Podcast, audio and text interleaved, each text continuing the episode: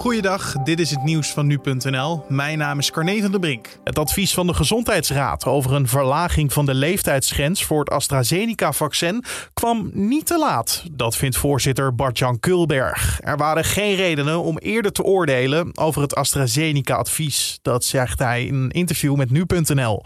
Over de snelheid van het advies was ontevredenheid, omdat eind april werd gevraagd of ook 60-minners het middel kon ontvangen en een advies daarover pas begin juni verscheen. Dat was mogelijk al te laat voor vijftigers, omdat de eerste veertigers op dat moment al werden uitgenodigd voor een prik.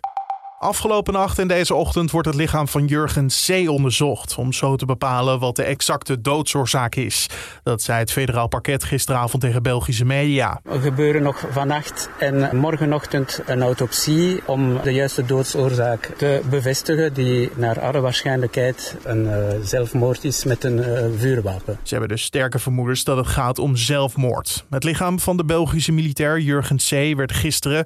na een wekenlange klopjacht gevonden in het deel Bos, net over de Belgische grens.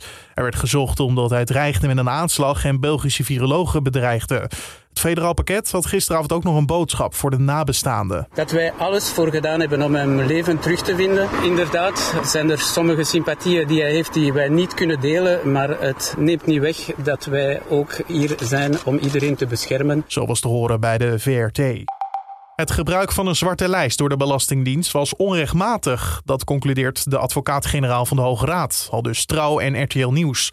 Honderdduizenden burgers die op een zwarte lijst van de Belastingdienst stonden, kunnen hierdoor eerdere belastingaanslagen alsnog aanvechten. Als de fiscus vermoedde dat iemand fraudeerde, dan werd diegene op deze lijst gezet. Maar het bestaan van de zwarte lijst werd geheim gehouden. Sommige van deze burgers wisten hier dus niks van, terwijl ze wel het risico liepen op problemen bij bijvoorbeeld het aanvragen van een uitkering, toeslag of huurwoning. En dan nieuws over het aantal coronatesten. Want ongeveer 1 op de 3 Nederlanders heeft zich tussen 1 augustus en half april tenminste een keer laten testen bij de GGD. Zo meldt het CBS vandaag. In totaal namen de GGD-medewerkers ruim 11 miljoen coronatests af.